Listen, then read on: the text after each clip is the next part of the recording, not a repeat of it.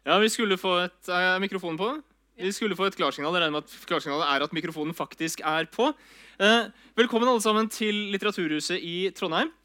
Denne fredagskvelden skal vi bruke til å snakke om noen av verdens tristeste, men også noen av verdens mest hatefulle menn. Det dreier seg om incels, en forkortelse for involuntary celibates. Det er de som har laget denne Reddit-memet. Og de er i dag stort sett unge menn som aldri har hatt et seksuelt eller romantisk forhold til en kvinne. Og de finner sammen i nettfora som Reddit og også en del fora utenfor etter at de ble sparket ut fordi de var for drøye for Reddit. De som har vært på Reddit, skjønner hvor drøyt det er. Og dette her er et av de mildere uttrykkene for kulturen deres. Um, det som opptar incels, er først og fremst deres status som outsidere på kjønnsmarkedet. Derfor lager de memes om hvor trist det er å vite at den du kanskje en dag, hvis du er kjempeheldig, blir sammen med, har hatt sex med noen andre først. Det syns de er en fryktelig tanke. Og det er lett på en måte å humre litt av uh, incels uh, med alt dette de driver med, men bare sist i sommer så kjørte 24-åringen Alec Minassian en bil inn i en folkemengde i Toronto. Og bare noen få timer før han gjorde det, så postet han på Facebook at «The incel rebellion has begun. All hail the supreme gentleman Elliot Roger». Og Minassian hadde vært aktiv på incel-forum lenge, og da særlig på de drøyeste forumene der man forgudet Elliot Roger, som drepte seks hvis jeg husker riktig, ved Isla Vista i California i 2014, og som også regnet seg selv som en incel, altså en person som ufrivillig lever i sølibat. Og kan du lure på hvorfor er det sånn? Incels er en av de mest markante subkulturene på Internett og skal være den internettsubkulturen som lager flest nye ord og uttrykk. De fins rundt omkring på YouTube, de fins på Reddit, de fins på 4chan. Og noen ganger så ser vi dem komme opp til overflaten, og da i denne typen spektakulære og forferdelige terrorhandlinger som Minassian begikk. Men hvorfor, hvorfor, dukker de opp? Hvorfor har dette dukket opp nå? Er det noe med samfunnet som gjør at noen ensomme og forsmådde unge menn søker sammen i denne typen nettsamfunn? Er det noe med Internett i seg selv som gjør at de ensomme, deprimerte og triste blir radikalisert? Eller er det noe helt annet? Og For å få noen svar på de spørsmålene så har vi invitert tre gjester. Det er Cecil Fjelltun, psykolog og nestleder i Landsforeningen for seksuelle overgrep. Mot? Mo for seksuelle overgrep. Beklager. det var... Jeg så for lenge på det incel-mimo og ble ødelagt i hodet. Jeg tror, jeg tror vi akkurat har bevitna en live radikalisering. Ja, Dette er bare det første skrittet. Det neste jeg gjør, er å lage mitt eget sånne. Det er også Leif Edvard Ottesen Kenner Professor i psykologi ved NTNU, kjent som evolusjonspsykolog. Jeg vil egentlig kalle ham hele Norges evolusjonspsykolog, men det fikk jeg ikke lov til. Nei, fordi to kollegaer sitter der. ja. uh, og Ingvild Stuvøy, postdoktor i sosiologi ved NTNU, som bl.a. har skrevet en doktoravhandling om surrogati. Ønsk dem hjertelig velkommen.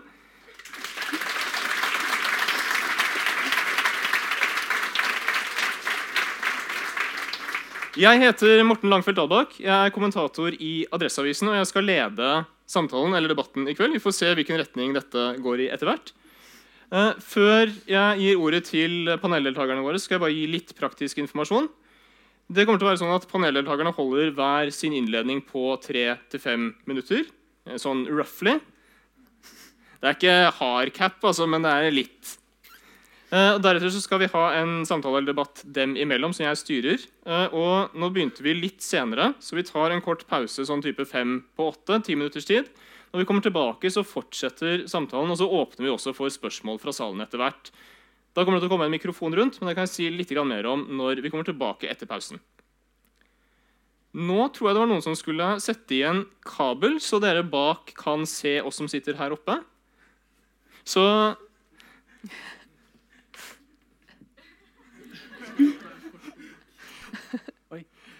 Da kan jeg fortsette å snakke i mørket. Den som, starte, den som starter, er Sissel, så da gir jeg ordet til En, to Til deg. Tusen takk. Uh, vi har jo sett mye rart de siste årene, og en av de rare tingene vi har sett, er jo internettet. Og det som Altså, dette har jo ikke vært en helt OK, du får hente min igjen. Um, dette er jo ikke noe helt nytt. ikke sant? Det er jo ikke sånn at folk eh, i alle tidligere tider så har alle hatt tilgang til akkurat den de har lyst til å ha sex med. Det er liksom ikke sånn det har vært før. Jeg regner med det ikke er noen sånne her i publikum, men det finnes mange mennesker der ute som ikke alltid har vært den mest attraktive og fått akkurat den de har pekt på. Men det har skjedd noe nytt etter hvert. og en av de faktorene tror er noe med hvordan Internett fungerer. At man får mange av disse subgruppene som kommer sammen på en ny måte. Og som radikaliserer hverandre. ikke sant? Fordi hvis man, uh, hvis man, får en ny opplevelse, hvis man ikke lenger er en incel, så henger du kanskje ikke på det forumet lenger. Da finner du kanskje noe annet å gjøre. Men hvis du ikke kommer helt ut av det, så tror jeg det fungerer som en sånn selvforsterkende kultur. Og så ser vi også at uh, noe har jo skjedd med kvinner de får jo stadig flere valg og rykker frem på mange områder. Og så har du fått en litt sånn, sånn evolusjonistisk om det går an å si det, liksom kvasivitenskapelig essensialisme. Om at før i tida så ville sånne som meg ha gått helt fram i verden. Og nå gjør vi ikke det lenger. Og det er feminismens skyld, og det er samfunnets skyld. Og jeg har hatt det veldig vanskelig i verden, og nå skylder noen meg sex og kjærlighet og omsorg og mange andre ting som jeg tenkte er unna alle å ha det, men det er på en måte ikke noe man står og deler ut. Og det som også er litt morsomt, er at den gjengen her er jo ofte ganske antisosialistisk. ikke sant? Men på dette området så er de for sånn knallhard fordelingspolitikk. Og, se og, sex er jo en sånn ressurs som vi kvinner liksom går rundt med og kan liksom dele ut. Og det bør vi gjøre. Særlig de av oss som har, hatt sex med mer enn én person. For da er vi på en måte ubrukelige horer uansett, da, ikke sant? fra det syn. Og da er det jo ikke noe vits i at man skal forsøke å være selektiv. Da er du allerede, du er ikke jomfru lenger, så det er du på en måte ødelagt. da, ikke sant? Um, og når denne gjengen her snakker om dette, så er det jo mange ting de virker å ha gått glipp av. Det ene er jo at uh, det går kanskje an å gjøre noe med sin egen situasjon. Det får vi håpe. Uh, men det andre er jo det at det er jo ingen som har nektet dem å ha sex. De får bare ikke lov til å ha sex med andre som ikke vil ha sex med dem. ikke sant? I Norge kan du få tilskudd via Nav dersom du har en funksjonshemning av et eller annet sort, og trenger hjelp med å ta oss og, få seksuelt stimulert det sjøl. Så det har man nok neppe i USA, men det er på en måte muligheter der ute. Uh, og en incel uten kvinnehat er jo bare en person som ikke har sex. ikke sant? Det er en helt vanlig tilstand. Det er ikke så farlig. Men vi snakker veldig lite om det å være på den sida av skalaen. ikke sant? Vi gikk liksom rett fra en sånn liksom protestantisk skal, ingen skal ha sex før ekteskapet, selv om vi vet at alle har det, til sånn alle bør ha sex hele tida overalt. Og så glemte vi liksom å prate om hvordan det føles å ikke være med på det når det er så, et så sexfokusert samfunn som vi har. Og da ble på en måte den gjengen her sittende igjen. Og det er mange som ikke ble sånn kjemperadikale. Men en kombinasjon av ensomhet og kvinnehat og en sånn følelse av at verden skylder med noe, det tenker jeg ender litt opp her. Takk. Da, Leif? Ja. Bakgrunnen min er jo klinisk psykolog. Og så forsker jeg på sex og sånn. Angst og sex er vanligvis, men de som har prøvd begge deler samtidig, vet at det blir ikke så mye ut av det. Um, men så forsker vi på sex og partnervalg og hvordan og hvorfor folk velger, og hvem som velger, og hvorfor den som velger, får Jeg og Mons Bendiksen, som sitter i publikum i dag, og også Trond-Viggo, som sitter i publikum i dag. Og vi har også forska i nokså mange år på seksuell trakassering og, og, det som kan kalles for hostile sexism. Og det vi ser er at Det er jo faktisk en del negative holdninger også blant høyt utdanna mennesker uh, til motsatt kjønn, som gjelder både menn og kvinner. Og det er jo litt påfallende og litt rart, så man begynner å undres litt. Og det siste så har vi også begynt å forske sammen med en uh, professor som heter Asbjørn Dyrendal, som er en av Norges fremste konspirasjonsforskere. Han er ikke konspirasjonsteoretiker. Han er det motsatte. Uh, og det som er greia at Vi tenker at det her må vi bare rett og slett kombinere våre synspunkter på for oss å prøve å finne litt mer ut av. Fordi her kan vi komme til fra mange forskjellige vinkler for å prøve å skjønne et fenomen som er spesielt på mange måter. Det er mye psykopatologi der. Derfor er jeg litt sånn skeptisk til det bildet som var introduksjonen på Facebook. Fordi det er sånn de ser seg selv. Men jeg har hatt pasienter som ser seg selv sånn, og de lider av det som heter kroppsdysmorfisk lidelse. Og, og, det er ikke normalt sett noe som man melder seg på i grupper for å nære opp under sammen. Og så ser de ut som at de er deprimerte. Men det er ikke typisk for folk som er deprimerte, å samle seg i grupper for å være deprimerte sammen. Og i hvert fall ikke oppfordre hverandre til å begå selvmord. Sånn, det er noe ekstra her, en radikaliseringsprosess her, som er veldig, veldig underlig. Um, men der vi gjenkjenner forskjellige aspekter av det uten at vi har sett det på denne måten før. Det som, det som vi derimot har fra tidligere forskning, det er at Meskida Wiener kom med en teori om krig for en god del år siden der de påpekte og for så vidt spådde borgerkrigslignende tilstander i Kina, India Pakistan etter hvert som selektiv abort, det at man velger bort jentebarn, blir mer og mer omfattende. Og det er faktisk nå blitt virkelig et problem i disse landene. Eh, de spådde at det skulle bli mer borgerkrig der, og krig som følge. Eh, de mener at f.eks. den portugisiske koloniseringa skyldes i stor grad det som de på engelsk kaller for disenfranchised menn. Altså menn uten håp til noe videre forhold i livet. Damer fordi de tilhører den delen av samfunnet som må kunne gifte seg og ha land for å få noe. Uh, og så mener de at dette var i stor grad predikerende for at man begynte kolonisering fra Portugals side. Det er, en, det er jo en forholdsvis grei teori for mye krigføring i, i uh, mer opprinnelige samfunn, der man har noe å tjene på å reide nabostammen. Men det som er problematisk her, det er at det er jo ikke det de egentlig ønsker. Det virker som at de ønsker å ta ut så mange som mulig før de selv dør. Og så argumenterer de for ting som er bare moralsk vederstyggelig som legalisering av voldtekt. Så på en måte er det vanskelig å ta det helt på alvor. Og på den andre siden, som det ble sagt her, idet flere av dem begynner å drepe flere mennesker i slengen, så er det ikke noe man kan bare fnise av lenger. Så på den ene siden, fra det kliniske perspektivet, så tenker jeg at det er ikke, man skal være litt forsiktig i hvordan man omtaler det, for det er nok mennesker som lider det her, rent sånn etisk sett. Fra den andre siden det er en vederstyggelighet. Og man må fra et samfunnsperspektiv prøve også på en eller annen måte finne ut av hva dette handler om, og prøve også å motvirke det. Takk. Ingvild? Takk skal du ha. Eh, og tusen takk for invitasjonen til å komme hit i dag. Ehm, jeg har lyst til å starte med å knytte to kommentarer til undertittelen til dagens debatt, nemlig det her med marginaliserte menn. For Hvis vi slår opp en stor norsk leksikon, så er, definerer de marginalisering som det å gjøre eller bli marginal, altså mindre viktig. Og ja, jeg vil si menn har blitt noe mindre viktig i løpet av hvert fall, kanskje de første, siste, eh, siste 40 åra. hvert fall da, hvis vi forstår det å være mindre viktig som et spørsmål om makt. Eller det å være viktig som et spørsmål om makt.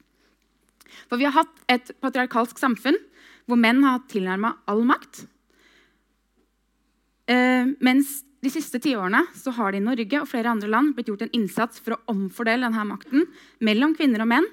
Det her som vi da gjerne kjenner som likestilling. Men det vi gjerne snakker litt lite om når vi snakker om likestilling, det er at det her i mange sammenhenger er hva statsviterne for mitt institutt kaller et nullsumspill. Det vil si at når noen får mer enn de hadde, så er det noen andre som får mindre. Menn er nødt til å avgi noe av den makten de har, som de historisk har hatt monopol på, for at kvinner skal få tilgang til posisjoner um, hvor avgjørelser tas, og hvor makt gjøres. for å si det sånn. Menn må også avgi noe av den makten de har hatt over kvinner. Patriarkatet handla jo nettopp om at menn står over og bestemmer over kvinner.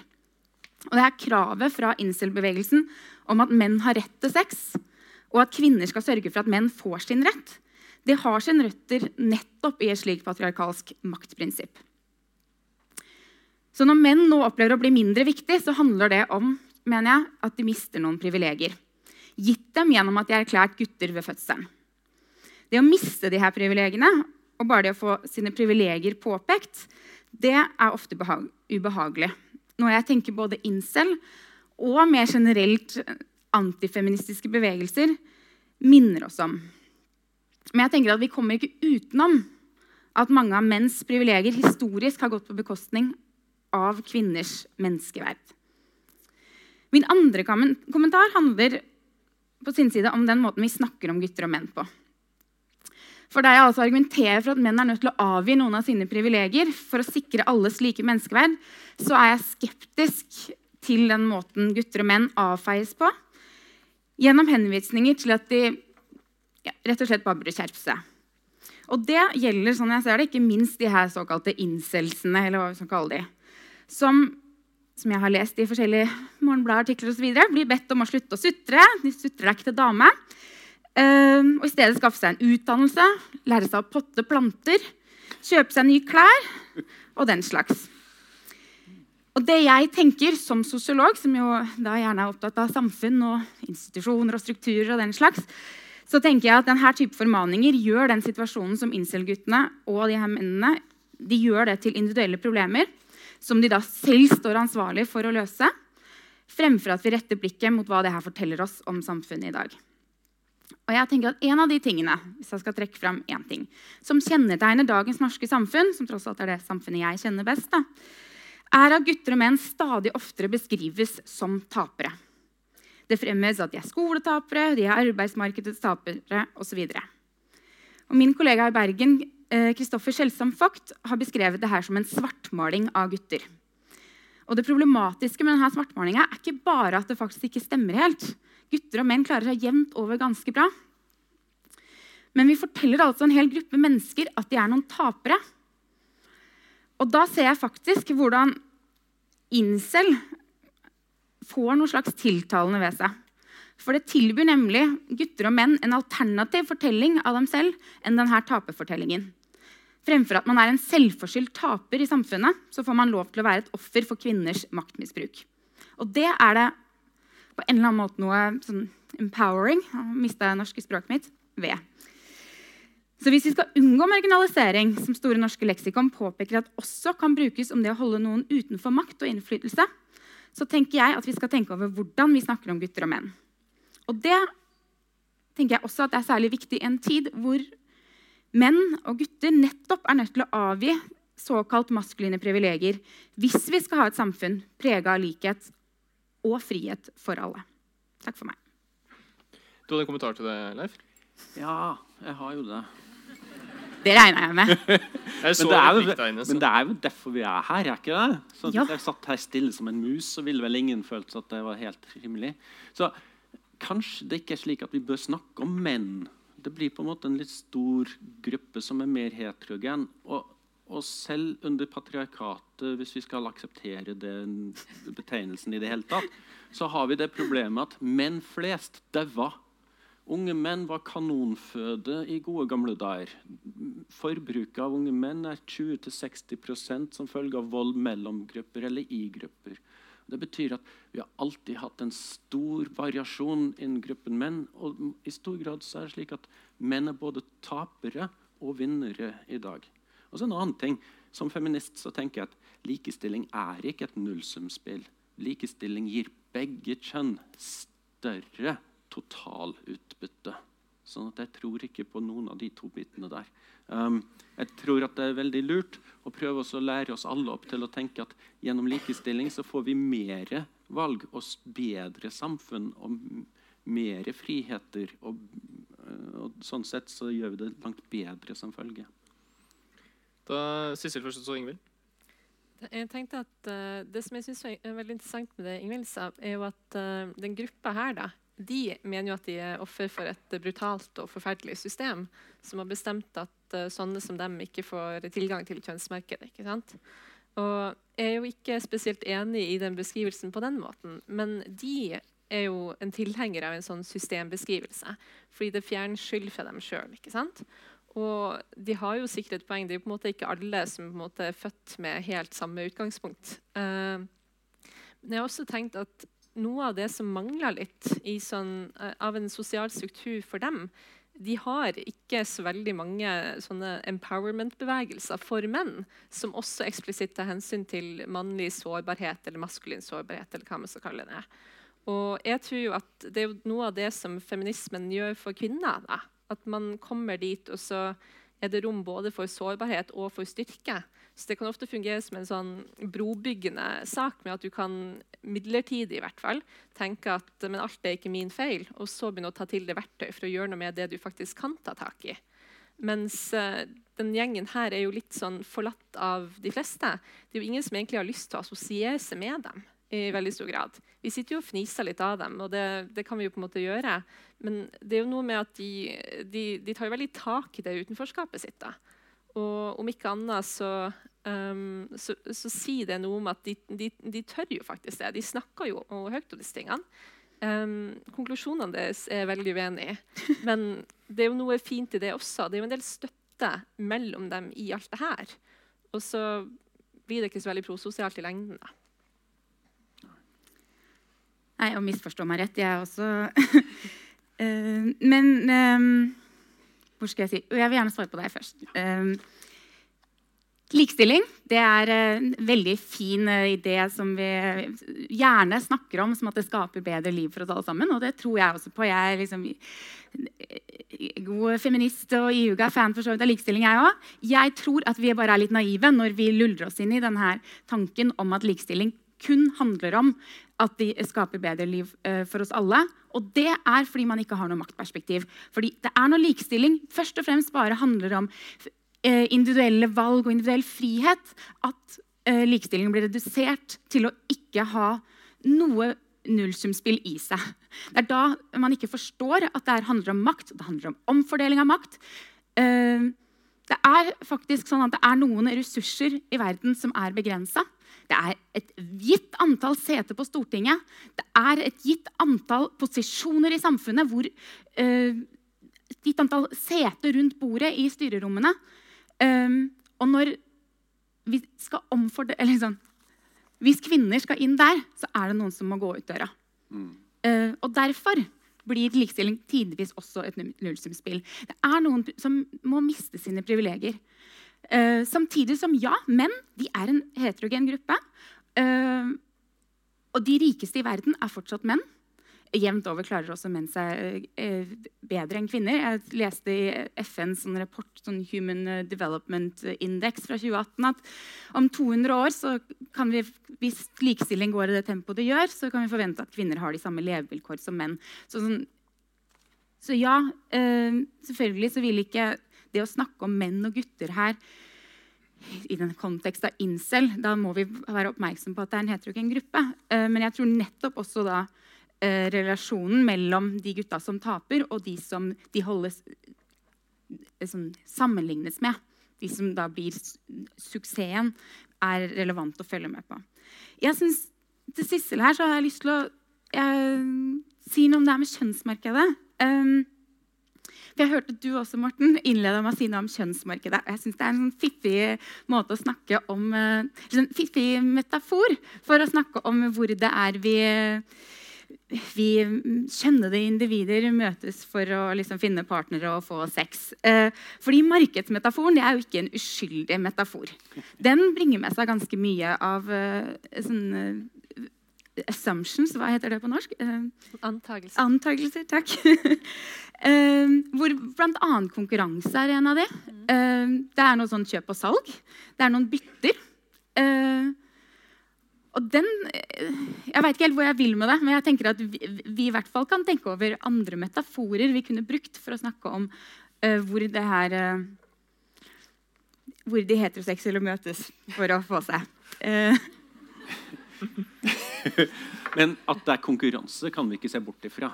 Og dette er jo en av de spennende tingene. Folk blir jo valgt Altså, de fleste par har på en måte en gjensidighet i valget sitt. og Det betyr at man også velger bort en del, selv om folk blir fryktelig provosert når man sier dette. Men tro meg, i løpet av kvelden nå, hvis ikke dere velger bort noen, i løpet av kvelden, så kommer det til å være heftig. Um, så er det sånn at generelt sett så har vi da det som vi kaller for intraseksuell konkurranse. Dvs. Si, man konkurrerer mellom med, med, medlemmer av samme kjønn. Jeg har ikke peiling på håndvesker. bare for å si det sånn. En Louis Vuitton jeg har ikke peiling på hva det handler om egentlig, men tro meg på dette. Det er ingen mann som noensinne har valgt dame på bakgrunn av hvilken veske hun har. Så vi har denne rare greia som går på å, å hevde seg internt i forhold til eget kjønn. Og så har vi det interseksuelle valget. Og, og dette her er en del av hvordan altså begrepsapparat som vi trenger for å forstå en del av de psykologiske og sosiologiske prosessene som omhandler valg, og for så vidt også bortvalg. Det som incel-bevegelsen gjør, som ikke 25% av norske menn gjør, det er at de drar det hele så langt i forhold til både hat og vold. Som, som, gjør at jeg tenker at selv om vi skulle si at det er jo ikke de 25% som, av norske menn over 40 som ikke får barn, som må ut av styrerommet. Det er egentlig skipsredersønnen som må ut av styrerommet. Men hans posisjon er kanskje ikke så truet av det. Mens incellene er ikke den store gruppen norske menn som for så vidt er reproduktivt marginalisert. Dette er en veldig veldig liten gruppe svært ekstremiserte og spesielle individer. Og jeg tenker at Begynner vi helt oppe med den store kjønnsdebatten, så mister vi en del av aspektene som kjennetegner radikalisering, internettkultur og en del andre strukturelle forhold som jeg tror vil være mer beskrivende. Også fra et sosiologisk perspektiv. Ja, du sa Det kunne kanskje være greit å gå litt tilbake til selve incel-temaet, som var det denne kvelden skulle handle om. Hvis du, du en, jeg skulle gå tilbake til noe du sa, men hvis du vil ha en replikk først, så kjør på. Jeg hadde egentlig litt lyst til å snakke om hvordan incel starta, altså historikken for eh, den gjengen der. Fordi eh, det, de kommer liksom ikke sånn fullt uh, ferdig forma ut på internettet. Det er jo noen som har forsøkt å gjøre litt sånn tidlig nettarkeologi på dette. Og da har de funnet en kvinne som het Alana, som uh, klokelig nok ikke har gitt sitt etternavn til uh, noen av journalistene som har skrevet om henne. Hun lagde en uh, nettside og en gruppe for uh, de hun kalte 'Involuntary Celibates' i 93. tror jeg det var. Og hun hadde oppdaga etter at hun hadde startet på universitetet, at hun egentlig var skeiv. Da. Da var hun ikke helt sånn Hvordan gjør man dette? ikke sant? Det var en, en litt sånn underlig periode i hennes liv kanskje, hvis hun innser at hun var ikke den legninga likevel og måtte reorientere seg. Og så tenkte hun at det må det sikkert være mange andre som også er i samme situasjon. Og så hadde de en litt sånn fellesskap i det. da. Og egentlig den sånn prososiale utgaven av dette, der man kan snakke sammen om at uh, det er litt flaut å ikke ha en partner hvis det er det man ønsker, eller hvordan er det å være ensom her, og hvordan gjør man egentlig disse tingene. Jeg vet ikke hvor de skeive jentene henger. Hvor, hvilket utested skal jeg på? Og dette var jo før, før internett var veldig stort, så det var vanskelig å google seg til ting. ikke sant? Uh, og så skjedde det jo noe opp gjennom årene. Hun ga den nettsida til noen andre. Eh, og etter mange år så fant hun på en måte dette fenomenet igjen etter de her mordaffærene. Og hun sa jo noe om at det var en ganske sånn ekkel følelse. Som jeg vet ikke, jeg vet, Å møte ditt bortadopterte barn eller noe sånt. Og så, så gikk det ikke helt sånn som du hadde håpa. Um, man, men det, det, det, finnes på, det, finnes en, en fin utgave av dette også. Men den utgaven hun hadde, var jo for kjønnsnøytral. Det var flere som fikk lov til å være med. Uh, jenter kan jo ikke være incels nå, fordi jenter kan aldri være i samme situasjon. Det er kun for guttene. De har det veldig fælt. Det, men det er flåsete, men de, de, mener jo oppriktig det. da, At uh, det, det, er sånn det er. Så det har, liksom, det har skjedd veldig mye opp gjennom disse årene. Og så har det nådd en slags tidstrend. ikke sant? Og har jeg, jeg, kan jo si at jeg har jo sett litt på bildene av både Alec Minessian og Elliot Roger. Og de er jo ikke på en måte sånn åpenbart frastøtende på et vis. Og de var ganske unge på det tidspunktet. Eh, 22 og 24. Og hvis det er da du skal konkludere med at eh, har, eh, dette kommer aldri til å ordne seg for meg Det er litt tidlig. Kan vi være enige om det? At du har kanskje ikke nådd din sånn seksuelle peak på 22 års alder. Jeg håper ikke det, i hvert fall. det, det er det mange av oss som må finne oss en varebil, ikke sant? Uh, og Jo da, men, Det, det er fredag. men, men, men du ser jo nå her at det kan hende Det der er livsfarlig med meg, med publikum som ler av sånne Ja, Nå, nå, nå ble jeg rett og slett redd og fikk lyst til å gå hjem. For jeg vet ikke hva jeg kom til å si nå. Ok, greit. Men dette er jo det vi før kanskje ville kalt late bloomers. Ja. Og det er det jo lov å være også, men man har kanskje ikke den følelsen når man sitter og ser på de eh, tenåringsseriene der alle bare har sex med alle sammen hele tida. Og du, det er fra episode til episode begynner å bli ganske vanskelig å følge med. Og hvis, det, hvis du tror at livet skal se sånn ut, ikke sant? og så har du sett alle de amerikanske superheltfilmene der du er, en sånn, du er en sånn nerd, ikke sant? og det går ikke så bra med livet ditt, og så blir du bitt av en radioaktiv edderkopp. Men så, men så vil etter hvert så får du noen som heter klinescene med Mary Jane. ikke sant? Mens jenter har en litt annen variant av dette, og det er den romantiske komedien. Og de blir ikke bitt av radioaktive edderkopper, de får en makeover.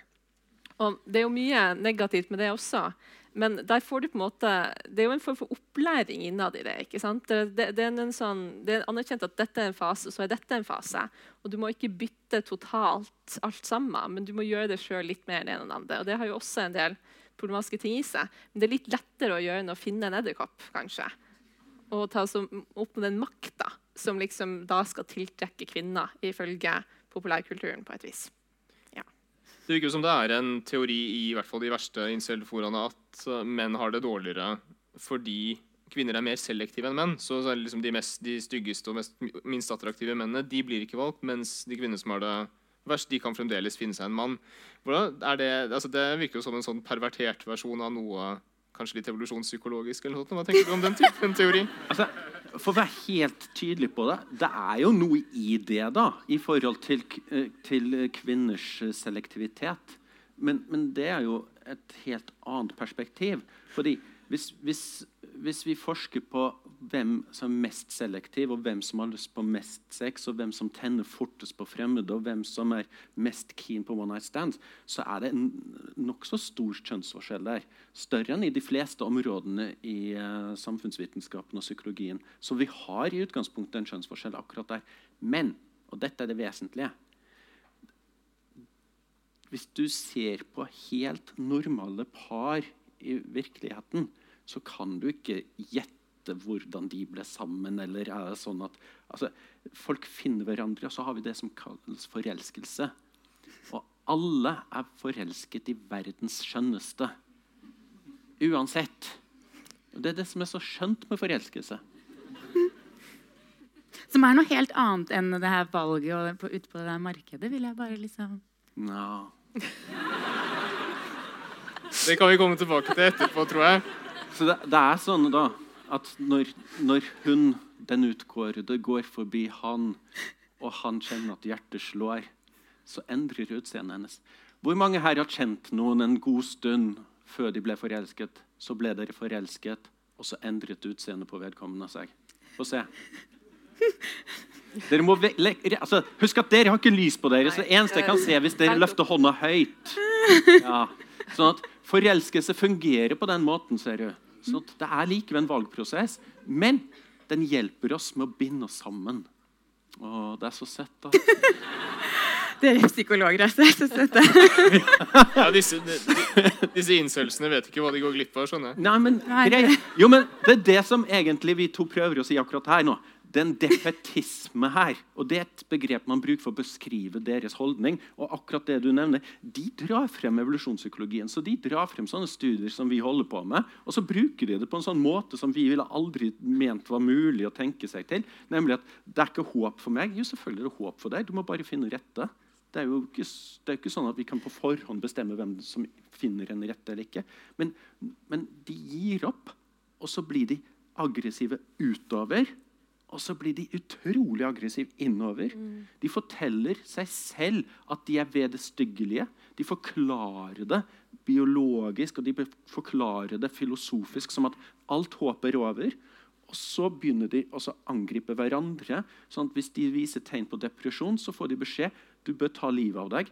Og i tillegg du bør ta ut så mange eh, av disse som har sex på veien. Og det her er fryktelig rart. Veldig avvikende, men ikke noe vi har sett før. Og det er et eller annet med selve internettfenomenet sosiologisk sett, vil jeg si, som gjør at det er noen systemiske forhold her som gjør at ensomme ulver med veldig bisarre, underlige tanker finner et ekkokammer for det her. Og det blir runaway på et eller annet vis som gjør at det ikke helt stemmer overens med den forskninga vi har på folk flest fra før. Sissel først, og så Ingvild. Jeg tenker vi skulle si noe om akkurat det med internettforumet. og sånn. Fordi eh, det du ser, at det er jo ikke så veldig det er ikke så veldig uh, OK å komme inn i disse forumene og si at kanskje det går an å gjøre noe med dette. Eller kanskje du, kanskje det, kanskje du også kommer til å bli forelska. Kanskje du ikke har møtt den rette ennå, sånn som vi stort sett ellers sier. ikke sant? Um, og du, du, skal være veldig forsiktig med å gå inn i en gruppe der de som gjør det godt, går ut. ikke sant? Og det er jo det som skjer med de her. Uh, det var et veldig fint intervju med en uh, Jack Pearson, tror jeg han het, som hadde gått som identifiserer seg selv som en tidligere incel, kanskje, og som hadde slutta å henge på disse forumene. Og han hadde begynt å date, og så gikk jo det helt fint. Han traff noen jenter som han syntes var litt søte, og det var ikke så vanskelig å få date, så han ble på en måte ikke, ikke avvist fordi han ikke var en chad. Uh, så det gikk Så han fikk jo noen, fikk jo noen avkreftende opplevelser. Og så sa han liksom noe om hvordan det var å være inni dette. fordi nå er jo han, er jo på en måte han crossover. ikke sant? Nå, ikke, nå kan ikke han nødvendigvis komme tilbake dit. Nå er jo ikke han ikke en incel. Han har jo forrådt saken. Eller så var han egentlig en Chad all along. Uh, og så snakker han om at den gjengen her er jo egentlig ganske sånn triste. De trenger, jo omsorg, men så konflaterer de sex og kjærlighet. ikke sant? Og så er de veldig veldig objektifiserende overfor kvinner. ikke sant? For De skal ikke ha en sånn, de snakker om kvinner som om de er kjøttstykker. sånn at, Men jeg vil, altså jeg vil jo ikke ha sex med en sånn halvdårlig dame. Nei, Hvis jeg skal ut på restaurant, så skal jeg på en ordentlig bra restaurant. og Der har du den markedsmetaforen. ikke sant? Og Skal jeg ha en dame, så skal det være en ordentlig, ordentlig, den flotteste. ikke sant? Jeg vil ikke ha tatt, tatt i en dårlig dame på samme måte som jeg ikke ville ha tatt i eh, mat som ikke var kjempedyr. Og, sånt. og så lurer du på hvor mange av disse som spiser på Michelin-restauranter hver dag. på et vis. Da. Det, det, det, det er det ingen som, som, kan, og det er jo en veldig sånn merkelig måte å se på dette på. Men de skal liksom unne seg dette. Dette trenger de fra verden. Og, og hvis du eventuelt justerer forventningene dine, vurderer at kanskje du ikke får de beste rådene fra den gjengen her fordi Grunnen til at de henger der, er jo at de ikke har fått dette til ennå. Så, så det er jo veldig sårende, for da må du ta litt ansvar sjøl. Og det er en ganske sånn tøff sak hvis du har funnet litt trøst i at du jeg kan ikke gjøre noe med dette. Verden er slem mot meg. Ingvild? Um, ja, jeg skal se om jeg klarer å hoppe meg inn på det jeg hadde tenkt å si. Uh, jeg tror at det er sånn, Leif er inne på det at, snakker om det her med at det her er veldig spesielt. Incel er veldig spesielt, og det er et radikalt fenomen. Um, og det her gjelder ikke hvermannsen av gutter og menn. Uh, samtidig så er det veldig mye ved det som er veldig gjenkjennelig. sånn at vi humrer jo av det. Sånn de er gjenkjennelige. Det er noe gjenkjennelig med at det er kvinnehat, at maskulinitet, vold og kvinnehat kobles. Sånn vi har hørt, hørt, det før, at menn som ikke får sex, blir sinna på kvinner. Det er heller ikke sånn Det er ikke noe ugjenkjennelig ved det. Um, og så kan man si at Internett selvfølgelig har vært liksom, det er helt veldig viktig å snakke om Internett her, for det har vært muliggjørende for uh, at de her ganske klassiske fortellingene om kvinner som de som sitter med den seksuelle makten. Det er en fortelling som går tilbake til huldrer og sirener og alt hva vi har av mytiske fortellinger.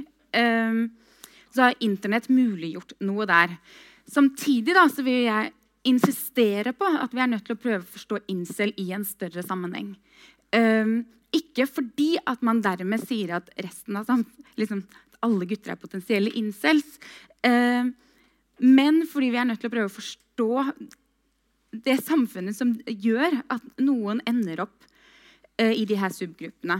Og der, Du sa noe i din innledning om uh, at der, feminismen har vært sånn prososialt for kvinner. Og jeg tenker at noe av det som er kjennetegnende med den måten vi snakker om kvinner overfor menn, er at vi har en veldig optimisme i verden i dag knytta til kvinner. Til og med sånn, Når vi skal drive med utvikling i utviklingsland, så sender vi pengene til kvinner. For hvis vi investerer i kvinner, så, liksom, så får vi Da faktisk fattigdommen forsvinner. Det Så enkelt er det. Um, og den optimismen den tenker jeg at mangler for menn. Uh, menn er først og fremst de som må skjerpe seg. Uh, og der vil jeg kanskje liksom sånn, litt utfordre deg, Sissel, til at jeg hører deg liksom snakke om det som at uh, Som at du legger det litt på individet å ta ansvar for det her. Ta deg en dusj, ta på deg en pen skjorte, og senk kanskje kravene dine til at alle skal se ut som en Stacey, eller hva det er de heter, disse figurene de har. Uh, og jeg tror kanskje jeg synes Det er noe ufruktbart ved at vi individualiserer problemet. og sånn sett legger den bare tilbake på dem som at de er noen litt latterlige figurer. Sissel? Ja, Uh, jeg er enig i det. Uh, jeg, ikke at, jeg, tenker ikke at det er sånn at alle skal på en måte klare seg sjøl. på et vis. Jeg bare tenker at Det er jo noen ting som skjer med de som er i kanten av dette fenomenet og klarer å bevege seg ut. Som ser noe de sjøl kan gjøre. Jeg syns det er veldig lite rom egentlig for altså, Jeg tror det på et vis er enklere for disse gutta å bli veldig aggressive på internett enn det for dem å være sårbare på det. Når, de, når, eh, jeg si, når Alec Minessian og Elliot Roger går og gjør disse tingene, så får jo de masse spalteplass, forståelig nok. Men de blir også møtt med en litt eh, annen forståelse både av menn og av kvinner, syns jeg. Uh, der uh, ganske velrenommerte kommentatorer begynner å skrive om at men disse stakkars menn og deres lidelse de er jo i sin ungdoms vår på et vis. Og så er det litt sånn OK, men de har jo drept noen. ikke sant? Men folk som kanskje ikke ville hatt så mye til overs for eh, en ung mann som bare sa at men det er ensom, jeg har det kjipt og jeg har lyst på dame. ikke sant? Så vi har veldig lite rom for å snakke om følelser innad hos menn. Og jeg opplever, altså i hvert fall på, i denne sammenhengen, så er det veldig litt sånn prososialt fellesskap blant dem. Og det er jo noe vi ser også eh, så, hvis feminismen har en slagside, så er det kanskje det at den har ikke også, setter ikke til side så mye rom for maskulin sårbarhet. For den har på en måte fått litt nok av å ta hensyn til menns følelser. ikke sant? Så det, altså, det er ikke alltid sånn. Det er mange som gjør det også. Um, men jeg opplever jo ikke at det kommer så fra så mange andre steder at man skal ta oss og, ta oss og snakke om det eller ta hensyn til det, eller vie litt tid til den gruppa. på et vis. Og man må jo ta oss og si noe om at det er jo ikke greit å drive på med sånn med å kjøre inn i eh, Det var en spøk, altså. Uh, I folkemengda. Fint du avklarte ja. det, for vi var litt i tvil i stad. det håper jeg burde, burde være tydelig, men, uh, men, du vet aldri. Uansett. Um, men det å snakke om hva som fører frem til det, og hva, hva trenger vi å gjøre litt sånn generelt og det, og det, er også noe med at det finnes jo, jo kvinner som måte, er i en lignende situasjon. Så, men de, de, får ikke være med her. Og det er en veldig sånn aggressiv tone. ikke sant? Så hva kan vi gjøre for å for det første at kvinner men kanskje snakker litt sammen på et tidligere stadium? At man har seksualundervisning i fellesskap og prater litt om kleine situasjoner rundt det. Og at man ikke bare forklarer på en måte, her er en plansje av det ene settet med organer, her er en plansje av det andre settet med organer, og så forvente at alle skal finne ut av det sjøl. Jeg lurer litt på hvor det skal komme fra. Uh, men kanskje vi kan gjøre litt av det. Vi sitter jo her og snakker om en gruppe som det er ingen av oss har identifisert seg med. i hvert fall. Og det er jo en litt sånn ugrei ting å gjøre. Det er litt latterliggjøring, og det er litt morsomt. og sånn. Men altså går det an å lede dem inn i en litt sånn, og gi dem en litt annen måte å snakke på. Og jeg opplevde at han, Jack Peterson-fyren uh, gjorde det og prøvde å snakke litt om måte, den sånn sårbarheten han hadde sett. ikke sant? Jo, vi har jo hatt de her to hendelsene. Det er ille nok det som er der inne på det forumet til vanlig. Men det, det er jo det, det, er ganske mange mennesker som ikke helt vet hva de skal gjøre. Um, og det er også en side av samfunnssystemet sånn som vi har det nå at de ikke har noe sted å kanskje prate om det. Sånn som jeg opplever at flere kvinner har, egentlig. Og det er ganske ensomt. Du vil ha en kort uh, du også, for Vi skal snart ha pause. Så, ja. men, uh... Nei, så Bare det der med kvinner og menn og hvem regulerer hva. Vi har jo spurt f.eks.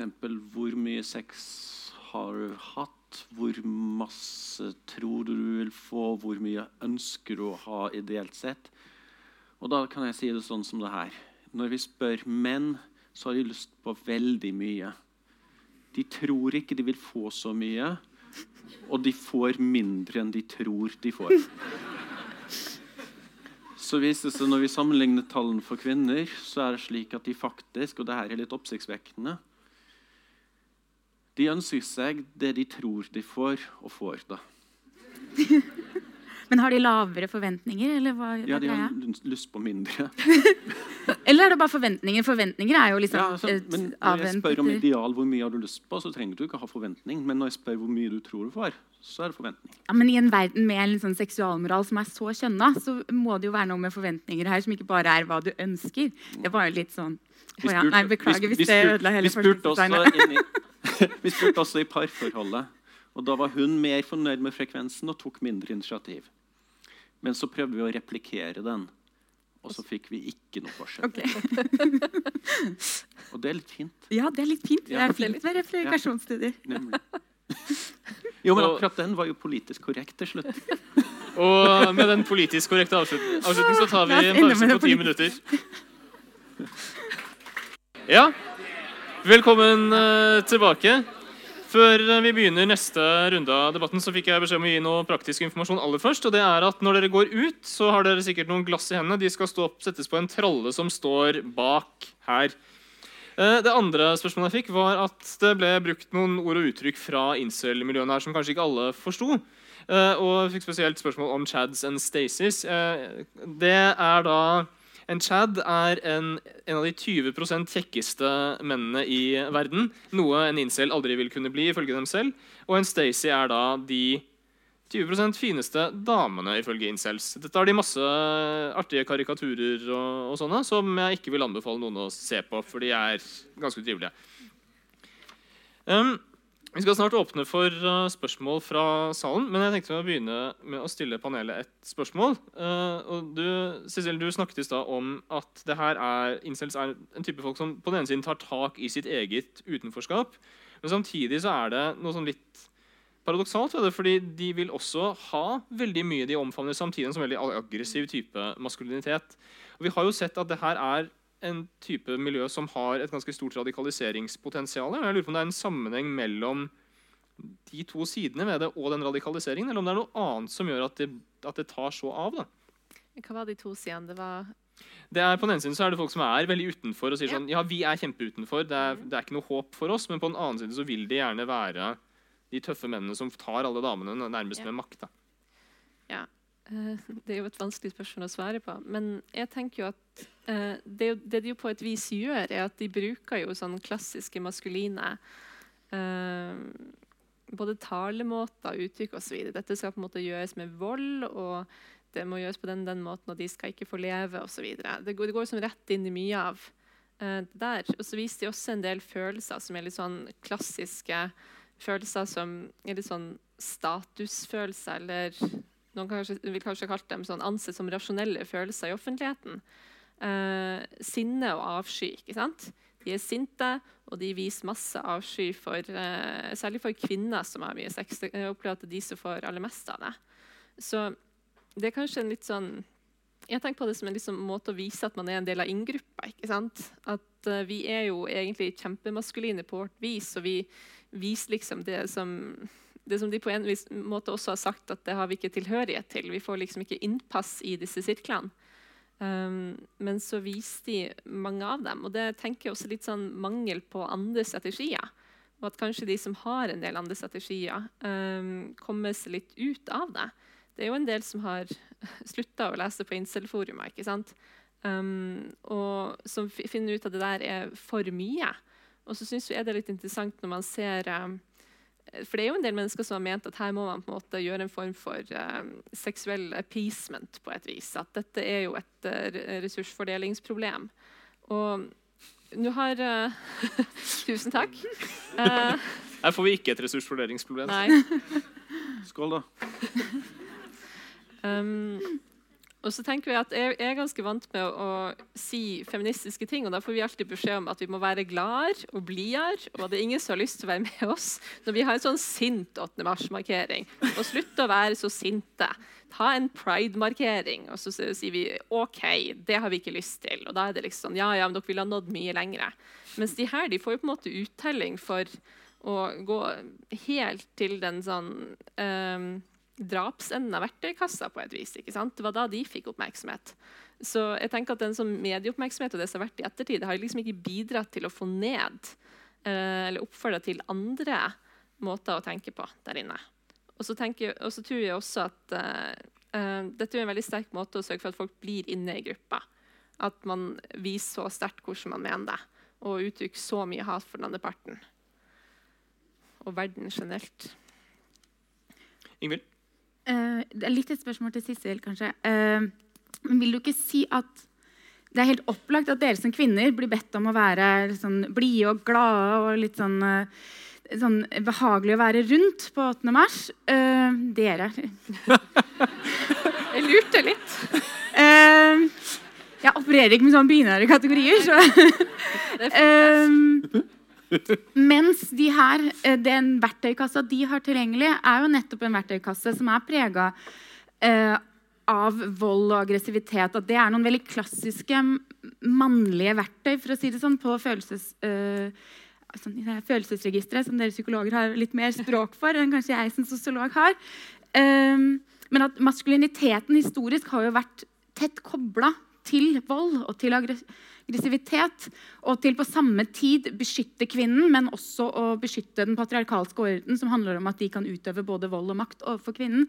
Sånn at De tyr også til en sånn uh, Det er noe sånn helt opplagt at de liksom tyr til sinne og aggresjon for meg. Uh, mens kvinner skal være litt sånn mer glade. Ja, vi skal visst helst det. Jeg tenker jo at uh, Det som har skjedd litt etter hvert de siste 40 årene med abortlov og greier, og de siste 100 årene osv., er at kvinner har gått inn på mye av det som har blitt ansett som maskulint. Det er ikke nødvendigvis maskulint, men det blir ansett som det. De tjener penger, og de viser sinne. De uh, går sammen og de organiserer seg. og Man har på en måte tatt til seg mye der. Men det, altså selv om har jo, det har jo skjedd noe av det andre også. Hashtag pappaperm på Instagram hvis man har en sånn dag der man ikke tror på menneskeheten. er ganske søtt. Um, men det er ikke like anerkjent den andre veien. For vi har på en måte gjort mye uh, for og med kvinner. Og så har uh, den mannsrollen stivna litt til, kanskje. Uh, og det er fremdeles ganske store forskjeller i hvilke følelser som er akseptable å ha i offentligheten. Det var jo en eh, VG-artikkel for en stund siden som handla om en 44 eh, år gammel mann som aldri hadde hatt sex. sa VG. Det er jo ikke riktig, Han har jo ikke hatt sex med andre. Det er det de forsøker å si. Ja. Um, og Det er en ganske viktig forskjell, og at vi skiller litt på de to begrepene. Men han var jo ikke, han var jo ikke sinna, han var litt lei seg. ikke sant? Og da merker du at da blir du med en gang litt sånn Å, stakkars det. ikke sant? Du får ikke den der sånn sympatibølgen så mye som det er litt sånn mm, dette, var, dette var litt rart. Man kan kjenne litt på det alle sammen, tror jeg. Og hvor, hvor bli, vi trenger et rom der, tenker jeg, uh, for å uttrykke dette på andre måter. Hvis man kunne hatt en sånn prososial utgave av det her, så tenker jeg det hadde vært litt OK. Så kunne folk ha fått høre at det finnes andre mennesker som heller ikke har sex. liksom. Um, og det finnes jo um, Slate lagde for en stund siden et sånt veldig uh, fiffig internettverktøy som var veldig populært, uh, der du kan sjekke hvor mange uh, andre mennesker på din alder har hatt sex med basert på amerikanske normer.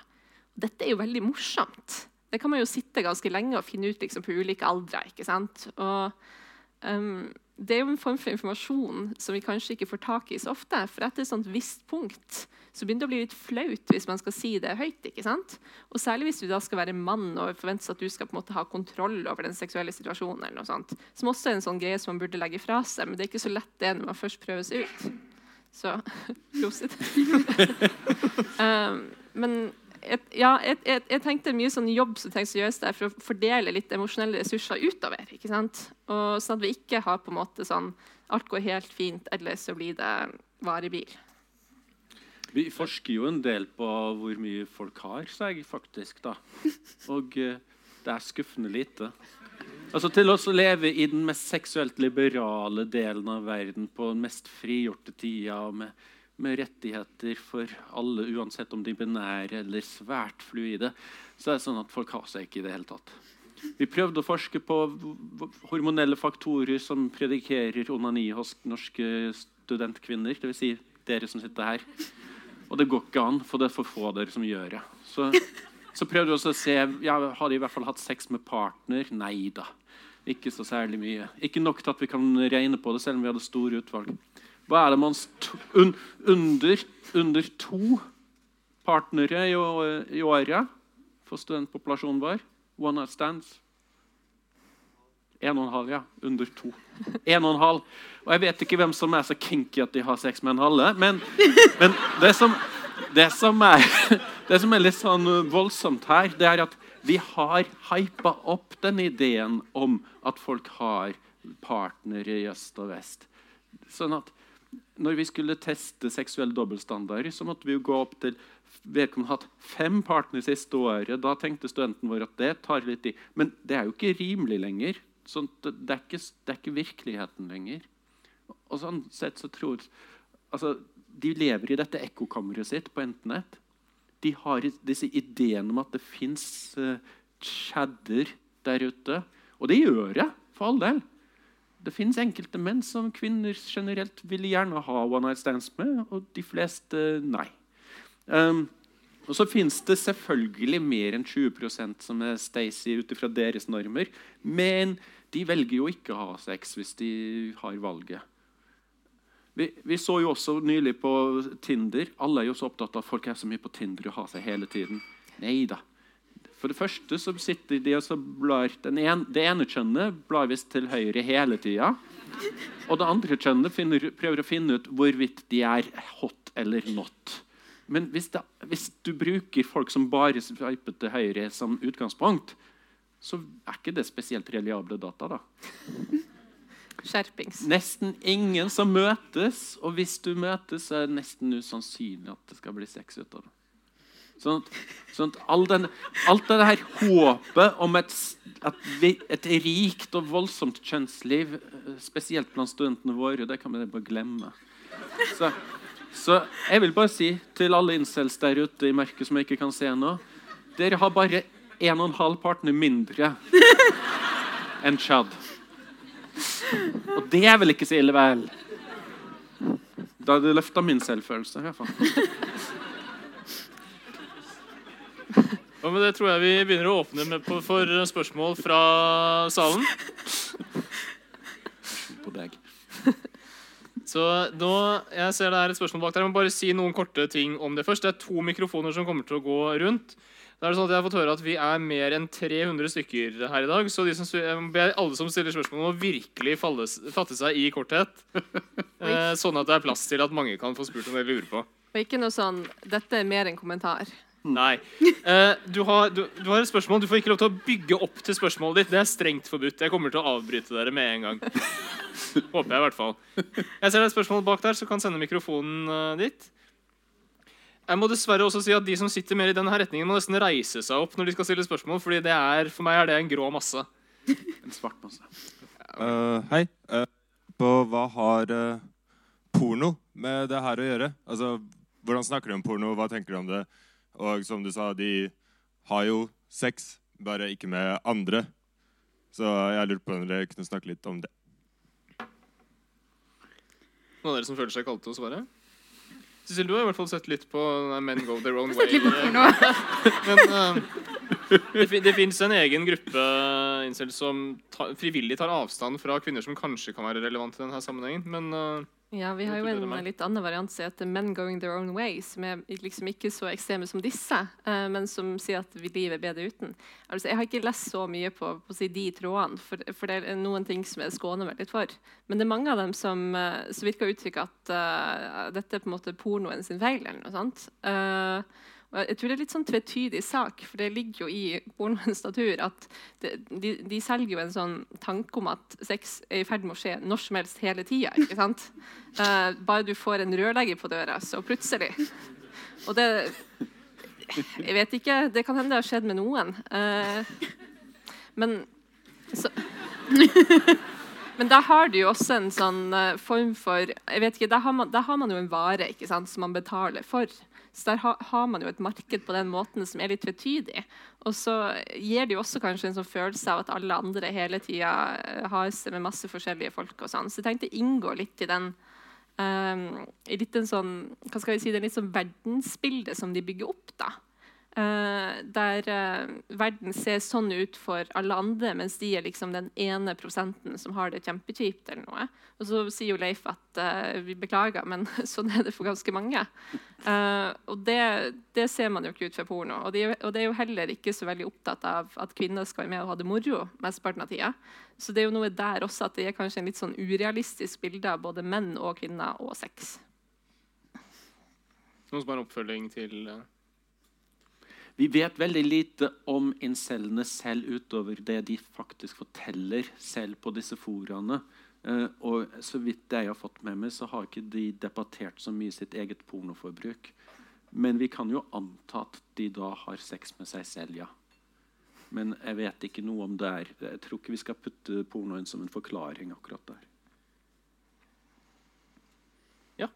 Der og så der etterpå på hjørnet Superenkelt. Eh, så en ting som jeg ikke har hørt fra panelet snakkes veldig mye om, er sosioøkonomiske faktorer. Eh, så før, si for 30-40 år siden, så var en, en, ung gutt i stand til å forestille seg en framtid der han brødfører en familie på fire. Og det, det er en form for maskulin rolle i farskap på den måten. Så eh, det er også blitt et veldig stort marked nå for uh, sugar daddies med middelaldrende, veldig rike menn som uh, har sex med unge studenter som er kvinner.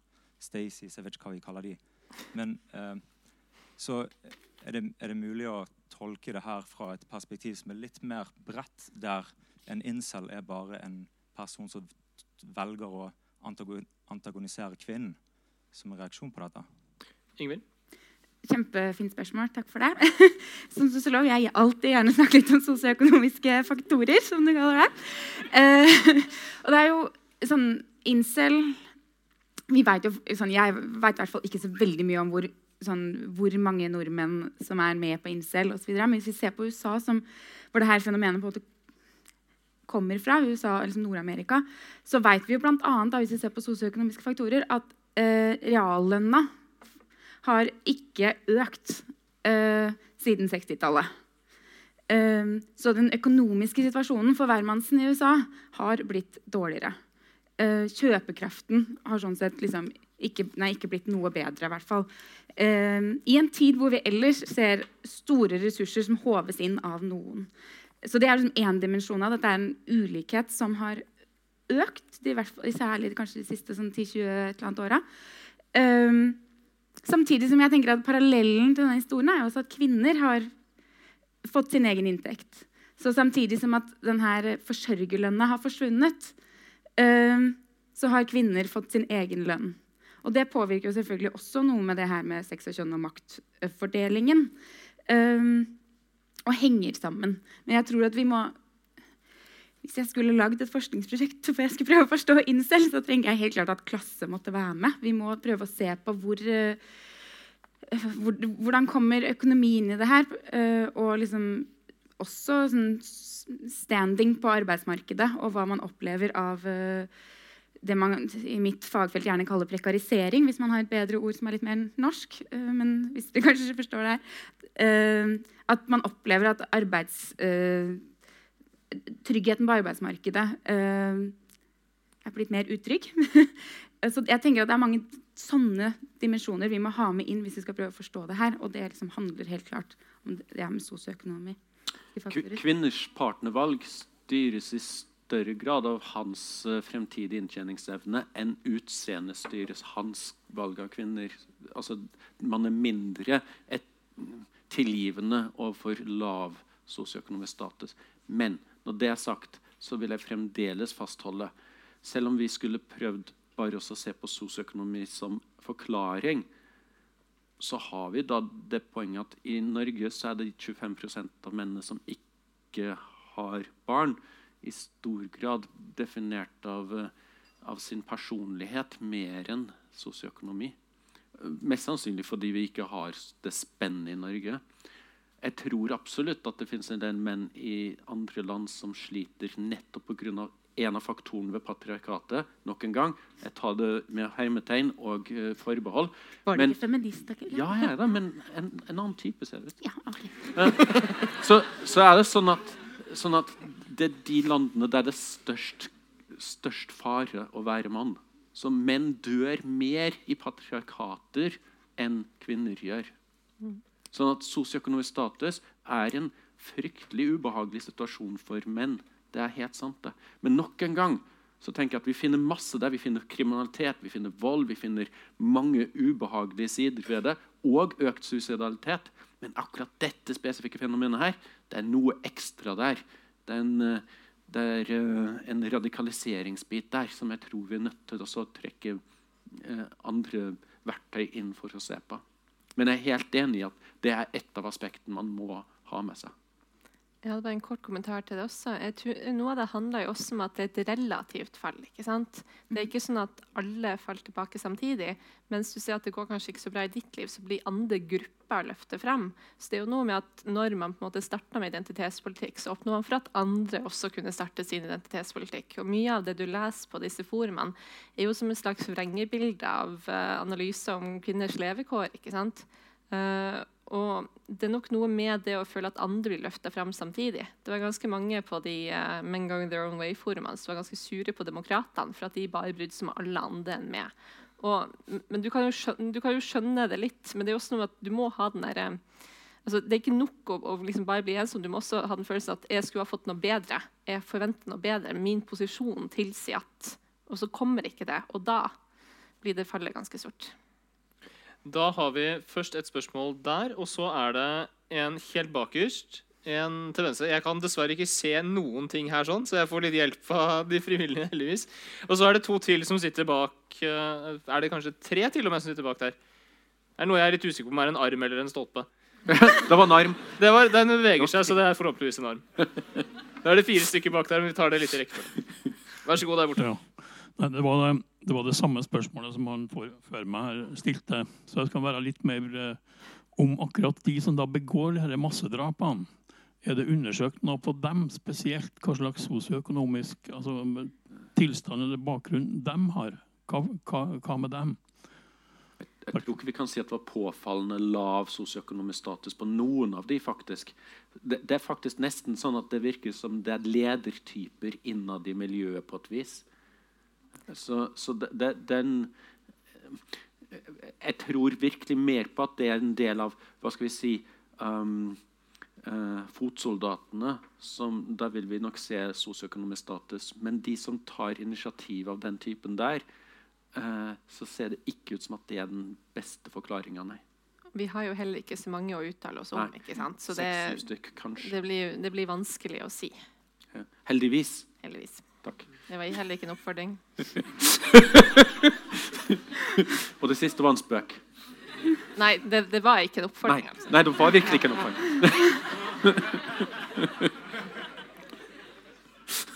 Jeg er glad jeg ikke har redaktøransvar for den samtalen. Ja. Eh, Da er det helt bakerst. Der, ja. ja.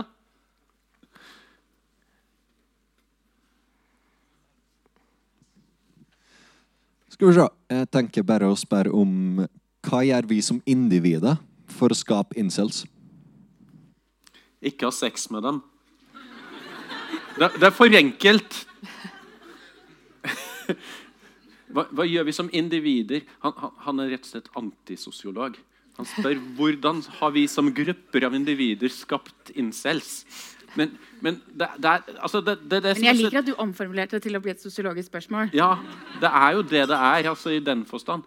Men altså, hvis grupper av kvinner var mer sosialdemokratiske i forhold til hvem de hadde sex med, som det ble sagt her i sted, det er ikke ønskelig. Vi er på vårt mest selektive når det gjelder sånne ting. Og, og vi, det syns jeg egentlig vi skal få lov til å være. Litt diskriminerende i forhold til hvem vi velger. Så det, det høres fælt ut, men, men det betyr jo selvfølgelig at noen kan falle utafor. Jeg Jeg vet ikke hvem av dere som var først. Ingvild var først. Ok, um jeg tenker at det ikke er vi enkeltindivider som skaper incel nødvendigvis, men at det her er eh, forskjellige livserfaringer folk får med seg, og som de tolker eh, med gripe tak i de fortellingene eh, som finnes der ute, for, som gir mening til det her. Og da eh, Så jeg vil jo liksom Det er fint at vi er veldig selektive når vi velger partner, men det er ikke i den, den unike seleksjonen at vi skaper incels. Vi skaper incels i den måten vi, som, vi skaper samfunnet på. Den måten vi øh, snakker om gutter og menn og sex og kjønn på. Den måten vi organiserer samfunnet i to binære kjønn som knapt skal snakke med hverandre. eh, utover at de har sånn Tinder-app hvor de tar til høyre og venstre. Eh, og hvor eh, vi også har heteroseksualiteten som den o store norm som vi alle sammen sånn eh, skal alle ha heteroseksuell sex for å liksom klare oss, visstnok. Uh, så jeg tenker at du trenger ikke føle på ansvaret når du går hjem i kveld for at du skal liksom komme tilfeldigvis til å skape en incel, men det er vi som samfunn som må ta ansvar for at vi ikke skaper uh, denne type bevegelser. Jeg tenker at uh, jeg er enig i at det er et samfunnsnivå, men det som ligger i det, at vi, vi alle kjøper jo på et vis et sånt sett med antakelser. ikke sant? Vi uh, skaper filmer som alltid har en romantic lead, og vi, vi eh, har mange forventninger. Vi, altså de, det bildet vi har av hvordan livet skal være, som i større og større grad føler jeg litt sånn TV-serieskapt. ikke sant? Altså Vi ser på en måte ting der og tenker at det er standarden eller noe. Og alle skjønner jo at det er en viss avstand. Men vi har på en måte skapt noe sånne narrativ for hvordan ting, ting ser ut, og så ser det ikke sånn ut. Og da blir folk veldig alene. Um, og det kan, det kan du av og til eh, altså, Uten at man skal snakke om incels, da, så var det noen ganger i løpet av studietida der jeg liksom et stykke ut i, en, ut i en samtale eller skjønte ikke hvorfor er du så opphengt i denne personen. Hva i all verden? Altså, de virka kjempetvilsomme. Og så tar meg en dag, og så er det sånn Å ja, du har ikke hatt sex med noen andre før. ikke sant? Det er det som er greia, men det klarer du ikke helt å si. Så i stedet så tenkte du at ja, men akkurat denne personen, nå skal jeg bli ferdig med dette. ikke sant? Så ved å snakke litt om på en måte både å ha og ikke ha sex sjøl, tenker jeg, eller å omtale det som et normalfenomen og ikke som en sånn Det finnes en mann på 44 år som VG har skrevet altså det, det er jo litt sånn det, altså Som om han er et, et unikum. Det blir veldig merkelig. Det, det er jo en sånn forsøk på å bryte et tabu som blir mer tabufiserende. For det, må, krever liksom en avisartikkel. ikke sant? Så, sånn er det noe i seksualundervisning at det går på en måte an å ta opp sånne ting også. Det går an å snakke om de sosiale elementene av det, og ikke bare snakke om på en måte anatomiplansje, anatomiplansje. Sånn ser det ut. Ikke bli gravide. Da har vi, Nå må jeg dessverre hoppe litt rundt i køen. fordi det, var, det er tre stykker som har spurt her. Hvis dere kan stille spørsmålene deres på rekkefølge, for vi har ikke så mye tid, og det er ti personer som står, eller noe sånt, som står på blokka her. Så hvis dere bare kan, hvis dere kan samle opp spørsmålene deres, og så tar vi det fra etterpå. Det er mulig jeg har vært litt slem med mikrofonen der. Har du tegna kart over salen, siden du vet hvem det er? Ja, jeg må jo vite hvem som har sin tur nå. Ja, ja, det er bare det er flott. Ja, takk. Jeg lurer bare på om dere tenker at incel kommer til å være et fenomen som nå har nådd sitt toppunkt, eller kommer til å fortsette i årene fremover. Og hvis det kommer til å vokse større i årene fremover, hva er liksom tiltakene for å gjøre det der flate ut, da, at det ikke blir et stort problem i samfunnet? For vi vil helst ikke at dette skal bli kjempestort i Norge. Nestemann på omtrent, omtrent samme område. Hei. Eh, jeg lurer egentlig bare på Er på en måte dette et problem som er relatert til USA? Eller er det noe som må ses i Norge spesielt, eller for så vidt jo i andre land? Ja.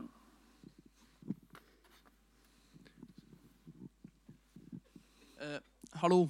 Eh, eh, dere har snakket mye om incels, men hva tenker dere om den kvinnelige motparten femcels? Vil du gi oss litt info om femcels før du går liv fra deg mikrofonen? Ja, det er jo da en lignende gruppe eh, kvinner som har mye lignende tanker. Eh, mye mindre gruppe, selvfølgelig, men det er en gruppe. Vi kan begynne der, så Ja. ja. Um, vi har jo ikke hørt så mye om dem. Det, altså det, er, jo sjeld, det er jo sjeldnere for kvinner å gå inn i den type voldsretorikk. ikke sant? Uh, men uh, det som jeg syns er litt interessant med incels, er at de er på en måte et sånt uh, De er liksom det som man anklager feminister for å være. Folk som ikke får sitt ligg og derfor er veldig sure på menn. Faktisk. Ja, men du, du, dere skjønner hva jeg mener? Det, det er ikke et ukjent fenomen. Og og jeg um, og det finnes jo, altså Man har jo hatt mange av de samme samtalene, men kanskje mer eh, eh, for kvinner. Når man ser liksom på sånn statistikk, statistikk som tilsier hvem som får orgasme. da, Når, når folk først har sex, noe de tydeligvis veldig sjelden har. Men eh, eh, der, står kvinner, der, står det dårligere til for kvinner, særlig i starten av forholdet, særlig ved tilfeldige, uh, tilfeldig sex. ikke sant? Og det handler jo noe om at um, vi, uh, altså, vi tenker jo mye om sex som reproduksjon, og det er jo veldig merkelig. fordi det, de fleste av oss forsøker jo for all del å unngå å ta seg produsere et barn når vi har sex. Men vi har liksom det som standard likevel. Det er jo det som oftest menes med 'har du hatt sex'? ikke sant? Um, og jeg tenker at eh, jeg tror femcelsene kan på en måte finne en plass litt i den informasjonen som finnes allerede. Man diskuterer skjønnhetsnormer ikke sant? blant kvinner, og hvorfor den og den blir på en måte løfta frem osv. Så, så de er på en måte, eh, det finnes mye sånn kritikk der allerede. Og vi har jo hatt femcell, som du skal kalle det, før. Det jo, det, altså, politisk lesbisk praksis har jo på en måte vært et fenomen. Fordi kvinner følte at de kunne liksom ikke være i en relasjon med en mann uten å bli politisk undertrykt. Og på det tidspunktet så kan så tenke at det var ikke så urealistisk. altså. Uh, det var i hvert fall en del flere argumenter for det enn det er nå. Um, så jeg håper jo på en måte at folk uh, fortsetter å prate med hverandre. Men vi har jo hatt både incels og femcels før. Dette er jo ikke, dette er jo ikke nytt, men det er nytt at vi gir det et uh, navn, og at vi prater om det. tenker jeg, På denne måten, og ikke bare som uh, han eller hun eller hen har ikke funnet den rette personen ennå, eller er ikke så god med, med jenter eller gutter, eller noe sånt. Bare kort, først liten kort kommentar. Lesber har sex, altså. Så når man Ja, ja. hadde en sånn politikk Ja, ja, det til at sånn. man skulle ha lesbisk sex Ja, ja. istedenfor heterosex på 70-tallet, så var ikke det for, det samme som femcel. Nei, men, men du har av og til denne diskusjonen i feministforumet der folk er litt sånn Men jeg, jeg er heterofil, men jeg takler bare ikke alle de mannfolka rundt meg som har så innmari store fordommer. Så jeg mener jo selvsagt ikke at lesbisk sex ikke men, men det er på en måte en sånn Det er jo på en måte én utgave av det, hvis det på en måte er menn som er problemet, men du fremdeles liker sex. Ja, jeg tenkte jeg ville svare på de to første spørsmålene der, om det her kommer til å vare, og hvordan, liksom, hvordan kan vi få det til å flate ut, og også det her med overføringsverdi til Norge. Om det med overføringsverdi til Norge, så veit jeg ærlig talt helt ikke akkurat når det handler akkurat om incels, men jeg tenker at hvis vi forstår incels som en del av en større sånn antifeministisk trend eller tendens, eh, så eh, tenker jeg både det er overførbart til eh, Norge, og, og der er jeg kanskje heller ikke så utrolig optimistisk. Eh, akkurat nå er det i hvert fall noe sånn vind i seilene eh, til de her eh, antifeministiske tendensene. Eh, og så er det litt sånn om tiden vil vis vise om det her eh, først og fremst er et sånn bluss som skjer i sånn siste krampetrekning før liksom, det er noe stabilitet og ro. Eh, eller om det her først og fremst er et backlash til eh, til en eh, offentlighet hvor feminisme har vunnet gjennom med noen argumenter. Eh, ja, akkurat nå så er jeg ikke så veldig optimist, men jeg kan jo leke som at jeg er, hvis det var et bedre svar. Ja, det fins incels-grupperinger i Norge. Eh, Jeg har snakket med VG-journalister og journaliststudenter som har hatt kontakt med disse grupperingene. Sånn at eh, vi vet de fins i Norge. Vi vet bare ikke hvor mange. Og vi vet heller ikke i hvor stor grad de er like voldsforherligende som de amerikanske versjonene. Nordmenn generelt sammenlignet med amerikanere litt mindre voldsforherligende. Så det er en fin ting med oss. Um, I forhold til hva vi kan gjøre for oss å få det til å flate ut Vel, eh, der, er jeg faktisk nokså bekymra for at det er ikke så mye vi kan gjøre sånn i utgangspunktet for å få det flate ut. Men uh, veldig mange av mine kolleger vil jo før eller siden ha en eller annen av disse inn i terapirommene sine fordi de har et eh, sett med psykiske lidelser og utfordringer. Det er en opphopning av Asperger, det en opphopning av kroppsdysmorfisk lidelse, depresjon, suicidal, suicidalitet, um, men også psykopati og eh, dark triad, altså machiavellinisme, narsissisme og psykopati. Sånn før eller siden så vil man møte de klinisk også. så kan man spørre seg hvilken av disse aspektene som man tror man kan behandle. Det er ikke nødvendigvis slik at jeg ser optimistisk på alle de aspektene. i hvert fall. Og så hadde vi det siste spørsmålet om uh, hva med femcells. 10% av norske kvinner har ikke barn. Veldig mange flere kvinner enn menn vil være, ha ønske om barn. Uh, og da er det forskjellige løsninger på dette. her. Men det som er litt spennende her, det er jo at det er en viss kjønnsforskjell i forhold til hvorvidt man ønsker et forhold, altså et forpliktende forhold, eller sex. Og incel-bevegelsen er vel kanskje på sitt aller mest maskuline når de ser på sex som nesten totalt og fullstendig objektbasert.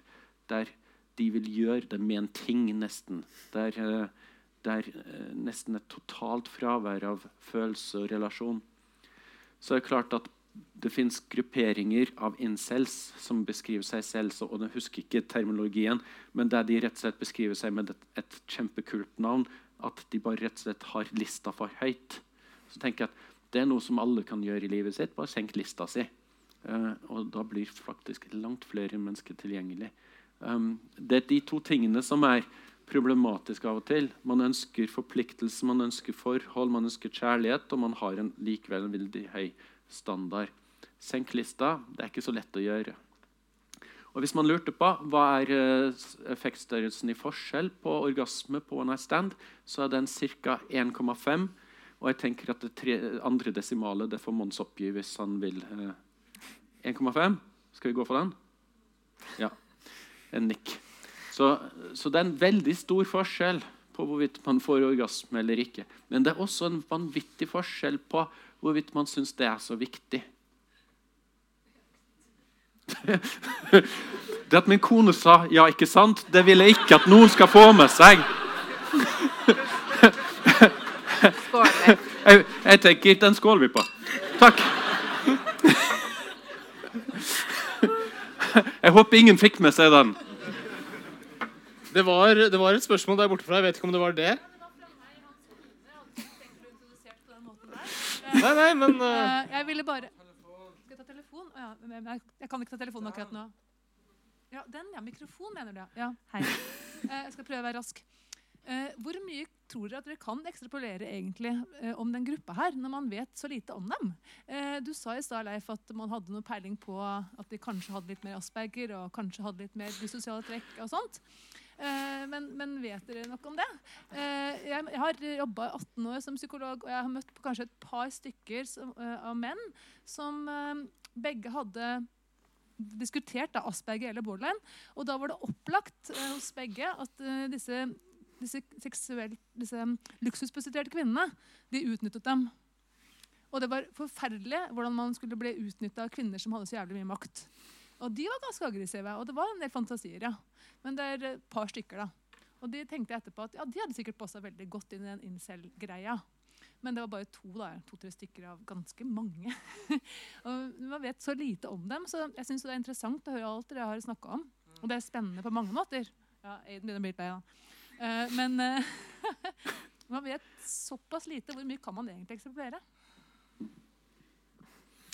Jeg svarer aldri min kone først. Jeg lar dere uh, Nei, jeg syns det er et veldig uh, fint spørsmål. Jeg, uh, jeg, vet ikke så veldig mye om denne gruppa, så jeg tenker at um, det min oppgave i dag har vært å peke mot mulige steder vi kan lete etter forklaringer og måter å forstå hva det her er for et fenomen, og hvordan vi kan også eventuelt forstå det fenomenet i lys av andre lignende fenomener. Uh, men uh, jeg skal Og jeg er heller ikke så god på diagnoser som Leif, så jeg kan heller ikke slenge ut noen diagnoser om dem. Men uh, det er mye god forskning som kan være i vente der, om hvem de her er, og uh, hva det eventuelt vil si oss også om hvem de mener. da.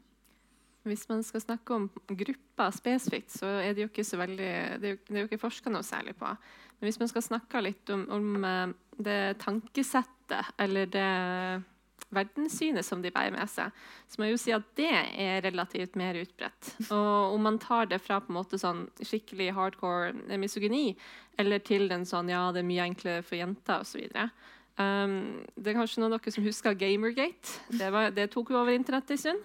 Uh, da man mente at uh, kvinnelige journalister som bare gikk rundt og hadde sex og ikke hadde um, og, og løy i anmeldelsene sine omtrent. ikke sant? Og så gikk det over til mer så generalisert kvinner bør ikke ha feministiske meninger om spill, for det er ikke kvinner som altså, verken spiller dataspill eller får lov til å mene om dem. Og feminisme har ikke noe å gjøre med oss. La oss bare ha det moro og være, og være så um, Og leke. ikke sant? Ikke noe Det er ikke noe dypere mening med det, og ingen får lov til å ta det fra meg på et vis.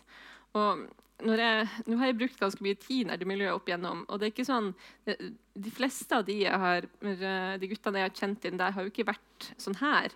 Men, men, det er en sånn greie som går mellom dette. Og den der evolusjonistiske tankegangen om at sånn ser en Chad ut, sånn ser jeg ut. Derfor kommer jeg aldri til å nå opp til det. Det er en sånn, den sånn kvasivitenskapelige måten å tenke på. ikke sant? Så litt sånn skeptisisme med veldig dårlig uh, faktagrunnlag. Um, og som forenkler se utopier om kvinner og menn. Også en sånn veldig sånn kjønnsbasert avstand. ikke sant? Man, man snakker ikke om fellesting. Man tror at det er veldig store ulikheter i hvordan jenter føler og hvordan gutter føler. og sånn. Det tenker jeg er en mer sånn um, generell problemstilling, og det ser vi mange steder. Så Vi kan kanskje ikke si så mye om det der heller, men vi kjenner det jo igjen ganske ofte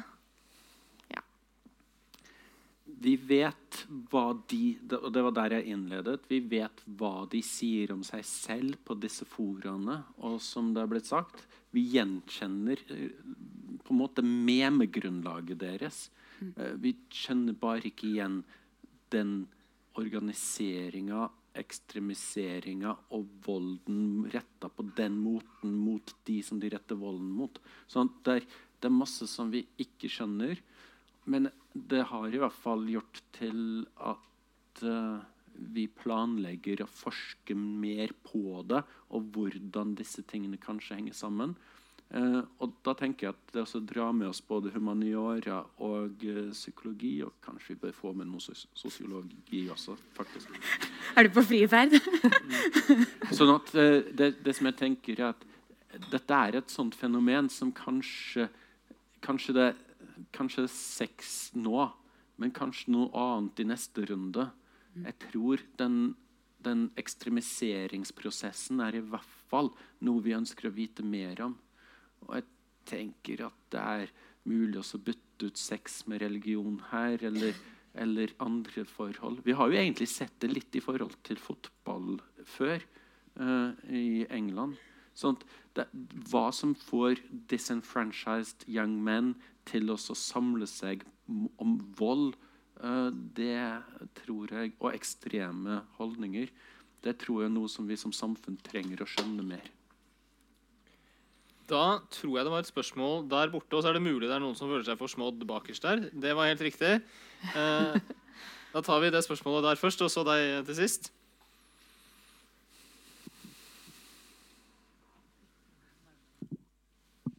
Ja, ok. Som eh, psykologistudent da, så lurer jeg litt på Hvis det kommer en mor og sier liksom 'Å, sønnen min eh, er i denne gruppa', da. Eh, hva slags behandling vil du gi den eh, gutten? Mener du Med gruppa mener du at han er han, han er, har ikke hatt noe seksuelt forhold til noen, eller at han er faktisk med på internettforaene? Ja. fordi Hvis en mamma kommer til meg og sier gutten min har ikke hatt sex før, hva skal vi gjøre med det? Så tenker jeg at det, det er da fader et symptom på problemet at du er her og forteller meg om det. Ja. Men her er et problem, altså. Og dette, dette, her, dette er et alvorlig spørsmål også. for all del, takk. Men det som er greia vi, vi vet jo om eh, at folk har prøvd å ha intervensjoner i forhold til folk som blir eh, på en måte jernvasket av sekter. Vi har folk som har havna i ekstremismemiljø også i forhold til å dra til Midtøsten for å krige. Sånn vi har en del eksempler på akkurat dette. Familier som er redd for radikalisering av både døtre og sønner. for så vidt. Mm. Eh, sånn at begge kjønn kan radikaliseres. Um, og jeg tenker at dette er fremdeles virkelig noe som vi ikke vet så mye om. Problemstillinga er som jeg sier, vi har ingen behandling som virker for psykopati. Eh, Vi har ingen behandling som virker på en rekke av de forskjellige trekkene her. Men depresjonsbiten kunne vi kanskje gjort en del med. Um, og så tror jeg også at de identitetsdannende ekkokammeraktige prosessene For det, han eh, Jack Peterson Mm. ja, han eh, har jo på en måte formidlet at det går an å være forholdsvis normal, men bli dratt med inn i en bevegelse der det er ekkokamre mer enn noe annet som danner det. Og så er det noe med at, og dette vet jo nesten alle i salen her, frem til man faktisk debuterer, så er man jo veldig opptatt inni sitt eget hode om åssen er det, hvem vil det bli med, hvordan vil det bli, og hva vil det skje, og hvordan er det for meg, osv. Så sånn, dette er folk som da har mer grubla på det og mer bekymra seg rundt det enn kanskje folk flest, og så begynte å identitetsdanne rundt det. Så jeg tenker at det er ting vi kan gjøre, men ikke nødvendigvis med alle. Sissel? Det kommer jo litt an på hvorfor han henger der, tenker jeg. Men uh, det, er jo, det som jeg ser inne på disse forumene, er at mange har jo en ganske sterk tilhørighet der. For da er det lov å snakke om disse tingene. Og så er det ikke på det jeg tenker på en positiv måte, men du får på en måte lov til å være aggressiv, og du kan fortelle om dine voldsfantasier. og du har, du har på en måte Altså, der er du ikke han rare fyren, ikke sant? Og, og du kan åpent være han rare fyren, kanskje. Uh, heller enn når du sitter uh, altså, Fram til man har sex, er det jo veldig viktig å se ut som man har sex ofte. ikke sant? Uh, man kan jo på en måte ikke, altså, Du kan ikke la potensielle partnere skjønne at, at, at, at dette gjør du ikke hver helg. ikke sant? Så det er noe med å, å Hvis man kan åpne samfunnet litt, eh, litt for det, at, man, at, det, at vi ikke har en sånn tanke om at, altså at vi ikke blir overraska over forskninga til Leif, holdt på å si. Eh, men også tilby en annen form for tilhørighet. Altså en annen hobby, kanskje der det er litt kjønnsblanding. Ikke? Men, men det mener virkelig at uh, det ikke blir sånn at man sitter der og liksom sones inn på dette. Og det er jo sånn kjente radikaliseringsprosesser. ikke sant? Eh, hvis dere har sett den Diakan-dokumentaren, så var det, jo, det var jo ikke alle de nazistene som var så hyggelige, men noen av dem var ganske søte til slutt. Når man satt der og stilte dem litt sånn vanskelige spørsmål, og man hadde blitt venn med dem. og sånn. Um, og de, de eh, var jo i stand til å endre seg litt når de fikk annen informasjon. Og det er jo viktig. Men hvis du sitter veldig mye på, int på internettet inne der, så får du ikke annen informasjon. Og du liksom, du tolker mer og mer inn i eh, den måten. Og til slutt så har du jo vært der så lenge, og du er så dedikert til det, at hvis du kunne ha ombestemt det for noen år siden altså hvis, hvis, eh, det, hvis du har tatt feil, da, hvis ditt sånt verdensbilde ikke funker, så er det jo mye tid som du har uh, kastet bort. Og så har du eh, gått på en skikkelig bom bommert. da. Så det å få inn litt andre forståelsesmåter, det tenker jeg er lurt. Helst før de begynner å henge der, liksom. da. Da tar vi, vi har bare noen få minutter igjen, så kveldens siste spørsmål er bak der. Så må, da blir dere nok dessverre nødt til å svare kort. Oi. Så hvis, hvis du kan stille som et ja-nei-spørsmål, så har vi det er virkelig en innertier. Det kommer ikke til å funke. Nei. Det kommer en mikrofon. så vidt jeg... Eh, ja, jeg lurer på gruppetilhørighetsperspektivet oppi det her. Fordi at som lærer, lektorstudent og biolog så er jeg veldig opptatt av hvor viktig det er å tilhøre en gruppe. Vet vi noe om de individene her, Uh, om, de er, om de hører til en gruppe ellers i livet sitt? Kan det forklare en del? At de føler på den gruppetilhørigheten? Nei, det, det det som ser ut til å være nokså typisk, at de er litt sånn utafor samfunnet ellers. Jeg fikk et spørsmål for noen måneder siden fra en eh, journalist som hadde snakket med en person i Bergen, en, en poet, som hadde startet en gruppe for folk med kjærlighetssorg. Uh, og lurte på om jeg så noen problemer eller syntes det var en god idé. Og jeg tenker nok en gang litt sånn som det er blitt sagt av deg et par ganger i dag. Hvis du er del av en gruppe for å ha kjærlighetssorg Nå skal du slutte å ha kjærlighetssorg hvis du ønsker å være del av gruppa di. Så det er noe med at det å koruminere den gruppa sammen om hvor ille det er, det vil jo være opprettholdende både for den tristheten, sorgen og problemet. Så det som jeg er redd for, er at eh, gruppetilhørighet her er veldig avgjørende. Um, sånn at Jeg tror at hele radikaliseringsprosessen handler om at de sitter i et, det, det som jeg kaller ekkokammer og får ikke noen andre synspunkter. Noe som gjør at nesten alle synspunktene deres blir så enten-eller-aktige. Hvis jeg skal forsøke å gi et kort svar, eh, så tenker jeg at eh, de har jo vokst opp i et litt sånn um, krysspress, der du på den ene sida vokste opp med et sånt bilde av maskulinitet som du tenker at sånn skal jeg bli en dag. ikke sant?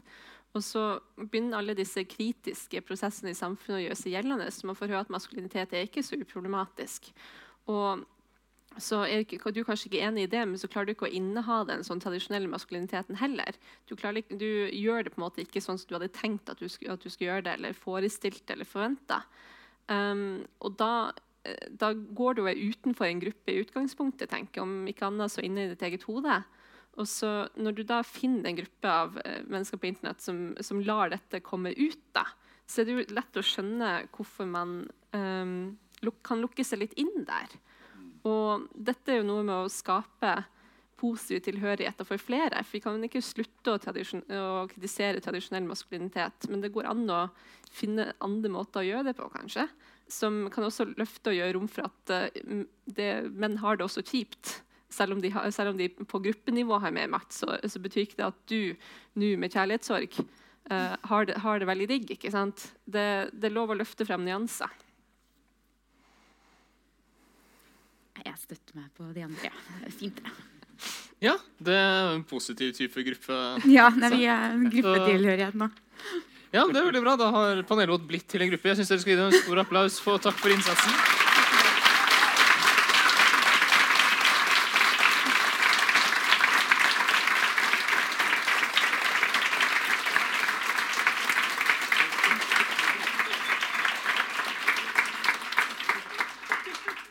Tusen takk til alle de som kom. Det var veldig gøy å høre spørsmålene deres og ha dere her i salen. Hvis noen av dere har lyst til å høre et intervju med Alana som fant opp incel-begrepet, så fins det på podkasten Reply All, som jeg anbefaler på det sterkeste. Og jeg håper å se dere igjen på Litteraturhuset i Trondheim snart. Tusen takk for i kveld, og ha en god helg.